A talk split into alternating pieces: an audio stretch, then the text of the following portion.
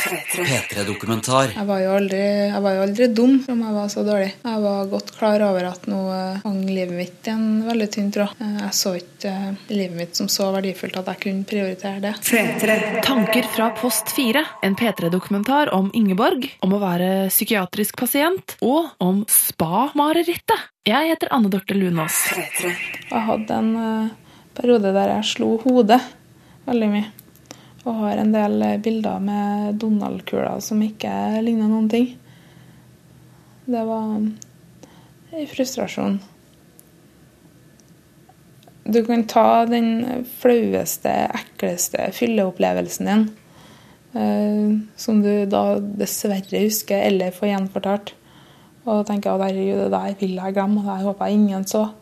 Og så kan du gange det med 500 og vite at alle har sett det der og snakka om det på møter, og at eh, det er noe du aldri kommer bort ifra. Ingeborg er 26 år, blond, pen, utdanna sykepleier, men for tiden er hun pasient.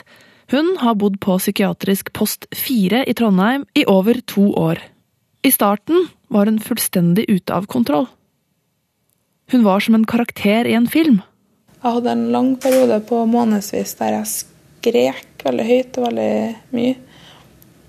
Jeg var veldig redd for å gjøre det hele tida. Jeg følte ikke at jeg hadde kontroll over de uh, lydene. Og uh, forsøkte veldig mye uh, for å ikke hyle. Både det å slå meg, skade meg, å trene eller å spise. Jeg prøvde alt for å ikke hyle. Jeg var så redd for det, for jeg skamma meg sånn. Det var så flaut. Og det var verst med tanke på alle de andre pasientene som jeg var redd for at jeg skremte. Og det tror jeg nok jeg gjorde. Jeg tror mange ble skremt av det. Altså sånn I dårlige filmer så ser du eh, de psykiatriske pasientene som hyler i gangene og sånne ting. Og da var det jeg som var den dårlige filmen. Men før dette var alt under den perfekte kontroll. Hun hadde nemlig en dyrebar skatt. Den perfekte anoreksioppskriften. Og den er det mange som vil ha. Jeg hadde faste rutiner på den tida. Så det var Livet var veldig likt hver eneste dag på den tida. Det var det. Hva var det du gjorde? Hva var det sånn rutin? Um, jeg regna med at det spørsmålet kom til å komme. og Det har jeg um, bestemt meg at som uh, uh, sykepleier og medmenneske, så kan jeg faktisk ikke ramse opp hvordan dagene mine var da. Uh, bakgrunnen for det er at uh, det ville ha vært som et anoreksiakademi omtrent. Det er Jeg hadde den perfekte oppskriften. Og andre som står eh, i vanskelige situasjoner, som leter etter eh, et godt holdepunkt, som jo en anoreksi er, kan eh, fort gripe tak i den. Det kan jeg ikke forsvare og fortelle om.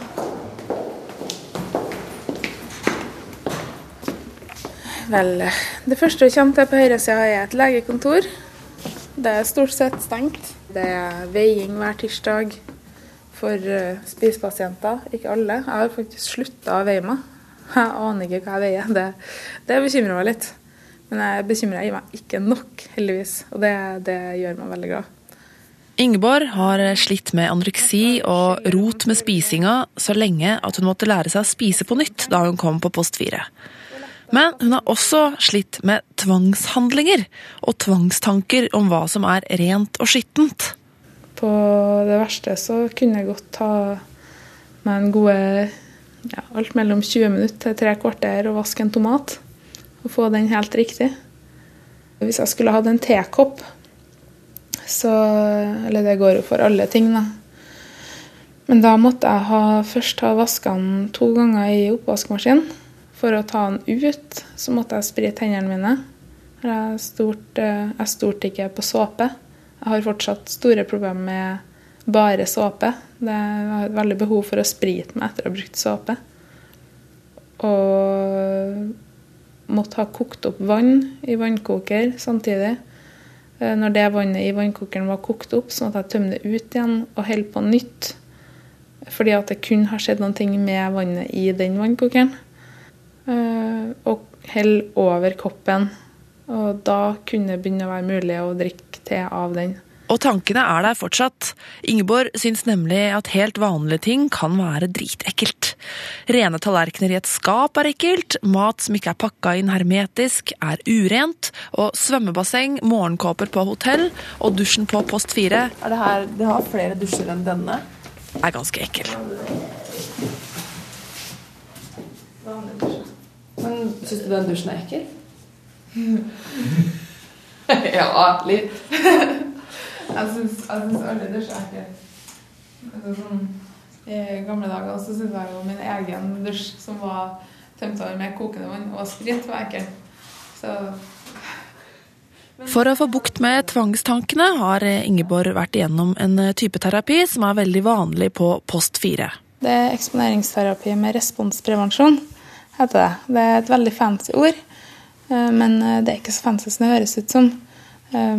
Eksponeringsterapi går jo på det å også utsette seg for det man er mest redd for. Hva måtte du gjøre på din Så- eksponeringsterapi?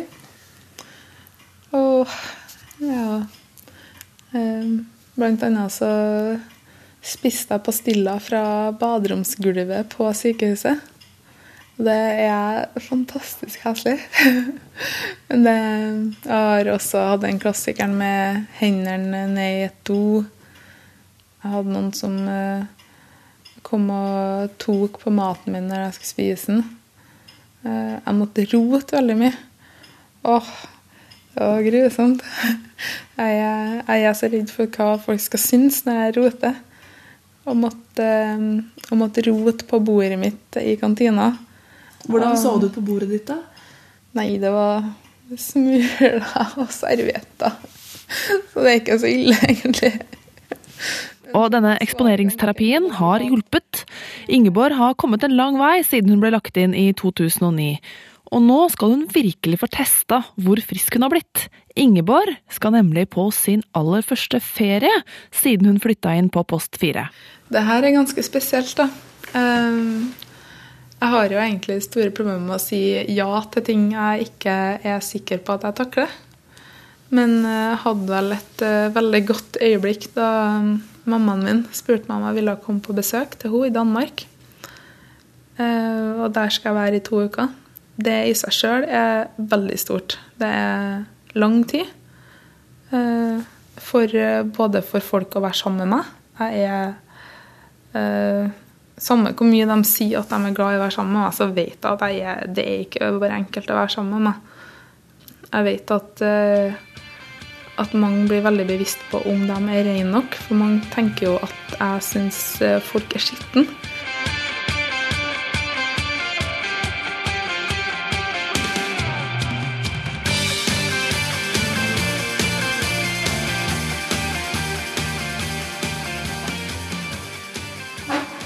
Ingeborg, vil du helst ha tepose eller te?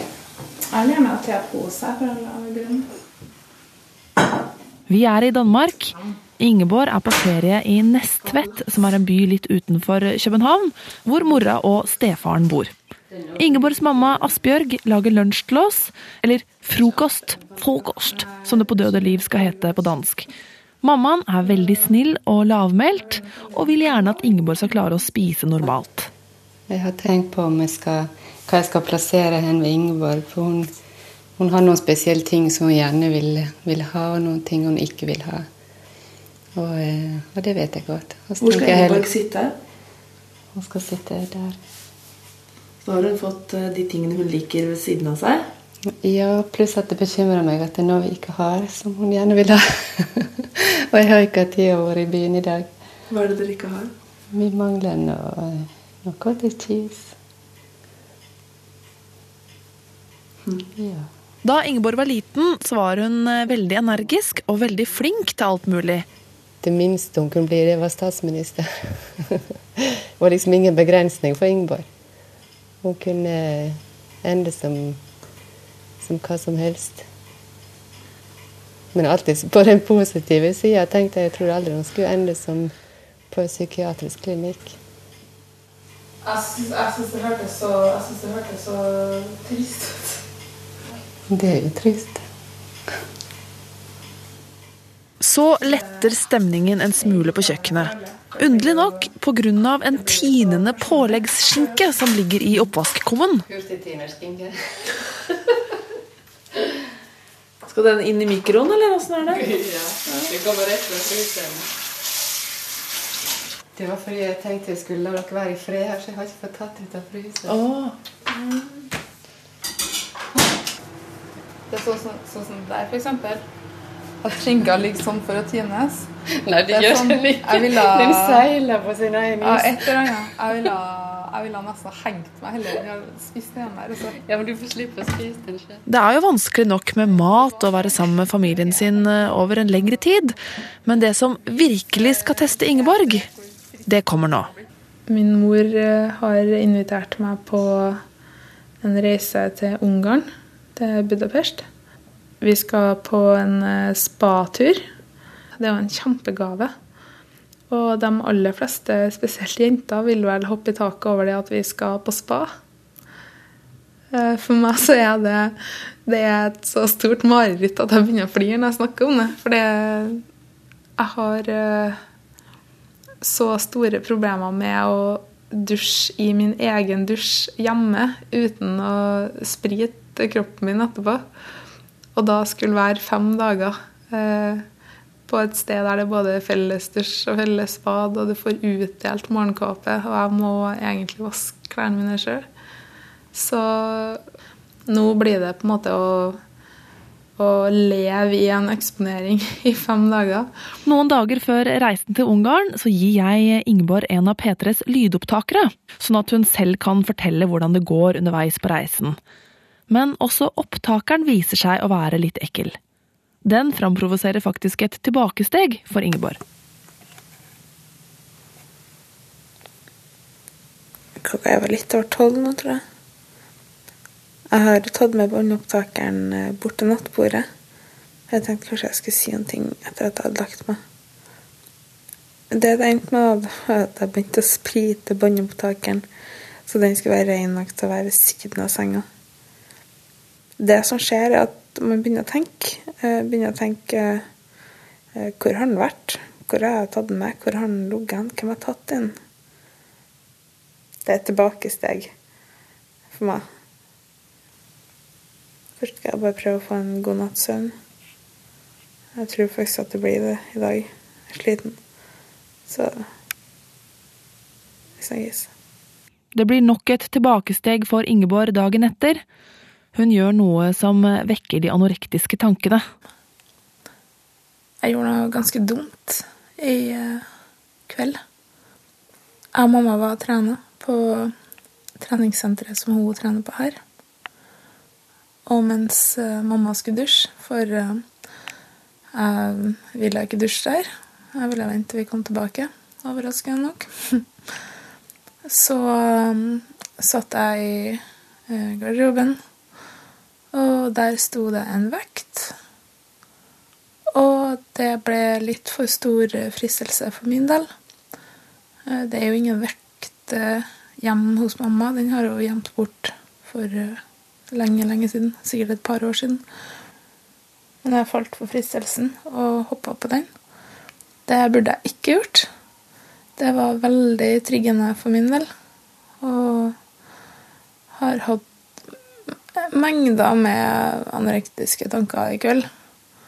Det er veldig rart for, eh, for en som har vært spiseforstyrra i så veldig mange år, å på en måte ha en eh, vanlig damekropp.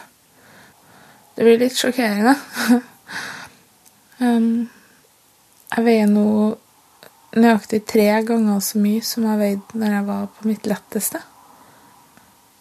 Det er jo åpenbart at jeg, ikke har noen planer om å gå ned igjen til noen og 20 kilo. Men eh, det å veie over 70 var overraskende. Nei, uansett. Det var en veldig dårlig idé. Nå er det natt. Over og ut. Sov godt, Ingeborg.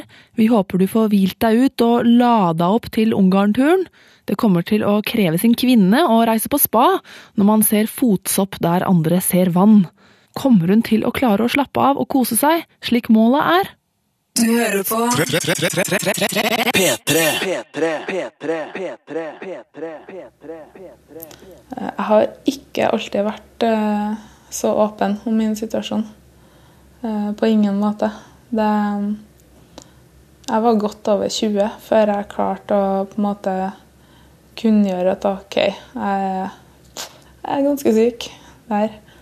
Da hadde nok de fleste skjønt det allerede da. Spiseforstyrrelsen til Ingeborg var verdens største hemmelighet.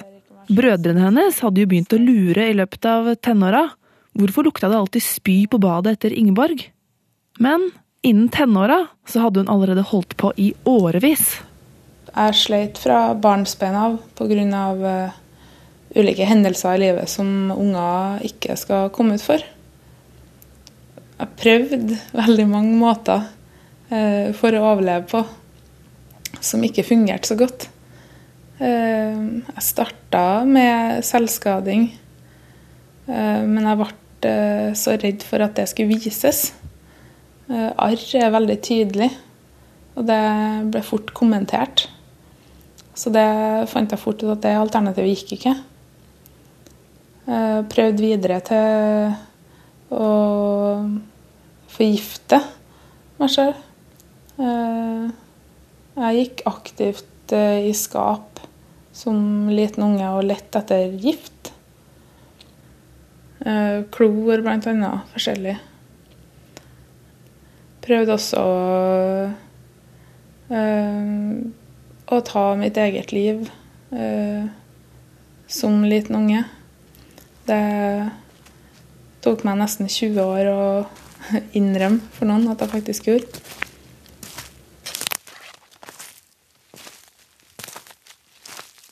Fra barneskoleåra til hun var 20, var spiseforstyrrelsen bare hennes. Ikke rart at Ingeborg ble proff til å bortforklare, til å skjule det og til å perfeksjonere sin spiseforstyrrelse. Du vet jo ikke helt hva som er såkalt sunt og usunt som barneskoleelev. For meg så var det veldig mange merkelige prosjekter. Jeg kunne plutselig gå flere dager uten å spise. Og så gå flere dager med voldsomt matinntak. For en kropp i vekst uh, håndterer jo ikke sånt så godt.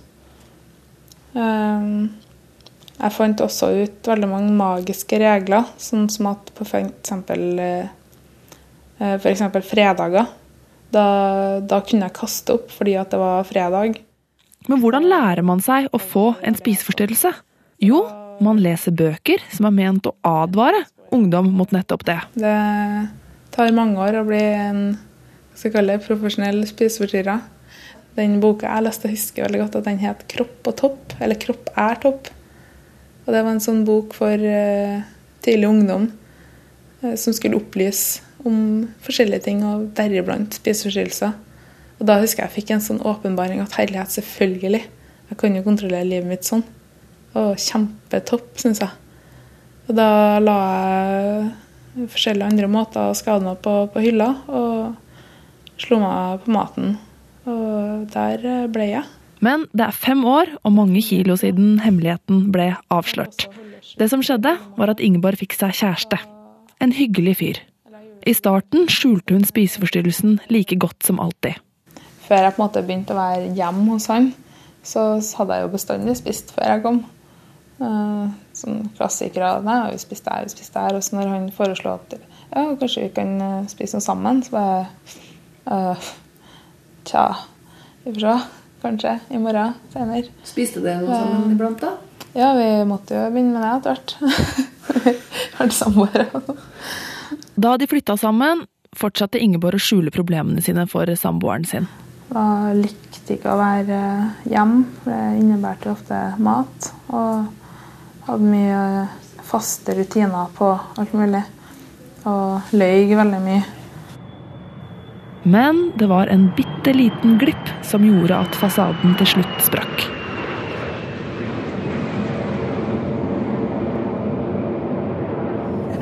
So maybe everybody knows already that Budapest, as the name indicates, consists of two parts, these two sides of the river Danube, which formerly used to be two separate cities. Buda, which is now behind us, on the other side of the river, and Pest.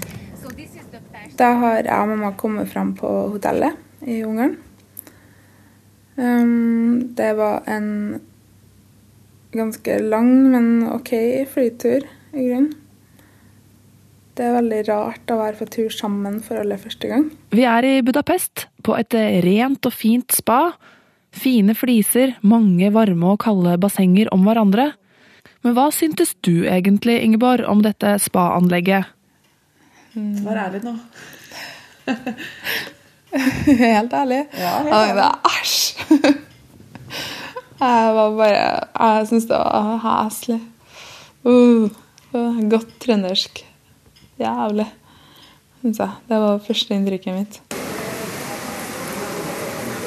Nå er jeg i bassengdelen av hotellet. Jeg sitter i en av dem, solsengene eller hva jeg skal og ser utover. Her jeg sitter i stolen nå, så kjenner jeg at øynene mine søker veldig etter alt som er feil. Det søker etter fargeendringer i flisene, det søker etter eh, føtter, det søker etter eh, undertøyet til folk, hva folk har på seg, om de kan være rene, om de kan ha hoppa av rushen. Eh, Jeg snakket meg litt når jeg og mamma prata i går og kalte bassenget for eh, flytende fotsopp.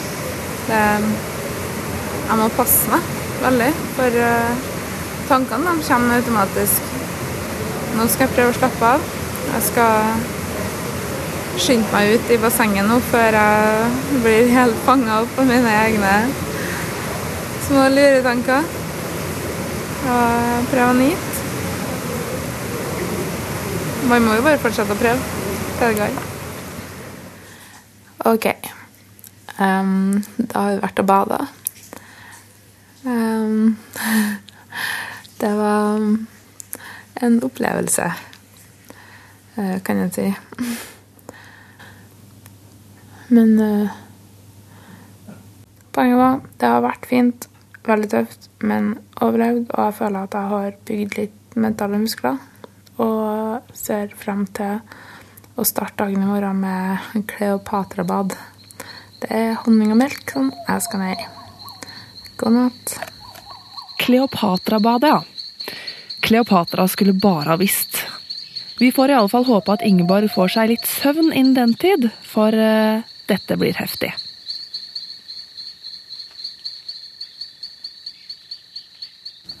Jeg husker en gang jeg hadde vært eh, hjemme alene på dagen.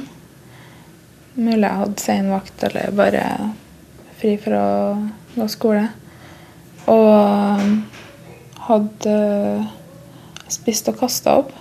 Vi er tilbake i leiligheten Ingeborg delte med samboeren sin for fem år siden. Og trodde at jeg hadde ordna opp alt. Jeg hadde vaska hele huset og styra. Og så hadde jeg ikke dratt det opp skikkelig. Og han kom hjem.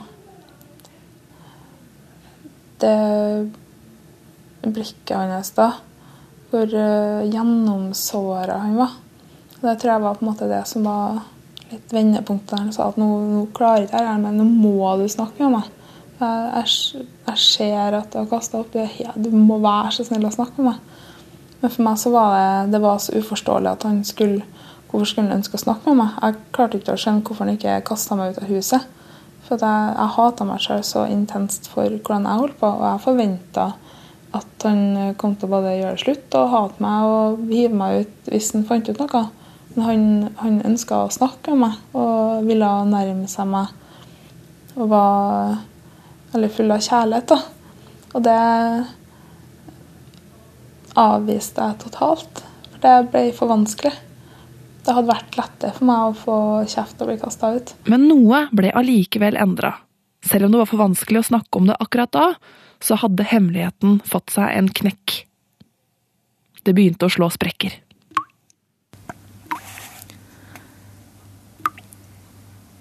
Hei. Akkurat nå har jeg det ikke sånn ikke så veldig godt. Vi er tilbake i Ungarn, hvor det ikke er så veldig avslappende for Ingeborg å være på spa. Um, vi har vært på Kleopatra-bad. Det er et eh, badekar fylt med melk og honning. Så nå blåses eh, luft gjennom, og det ligger der i 20 minutter. Jeg tør ikke se for meg at eh, Kleopatra så like stressa ut som meg før jeg skulle gå ned i badet der. Og heller ikke under selve badet. Jeg hadde store problemer med å klare å slappe av.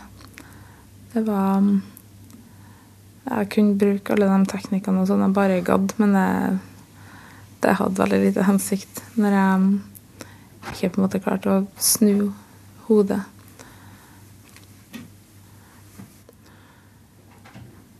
Vi skal dra videre nå. Hører mamma å ordne seg i bakgrunnen, så jeg må gjøre litt av det samme. Jeg har slappa av litt etter, etter det badet. Jeg var jo temmelig utslitt etter de 20 minuttene med Jeg satt litt sånn på pinne.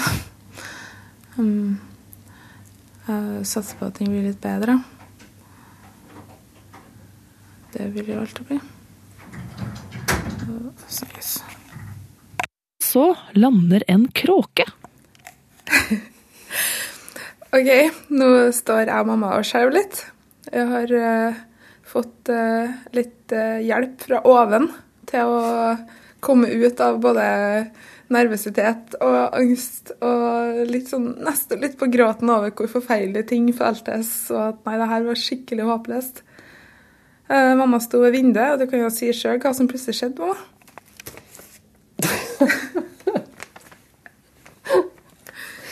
Det, det kom en kråke og satte seg ut fra vinduet.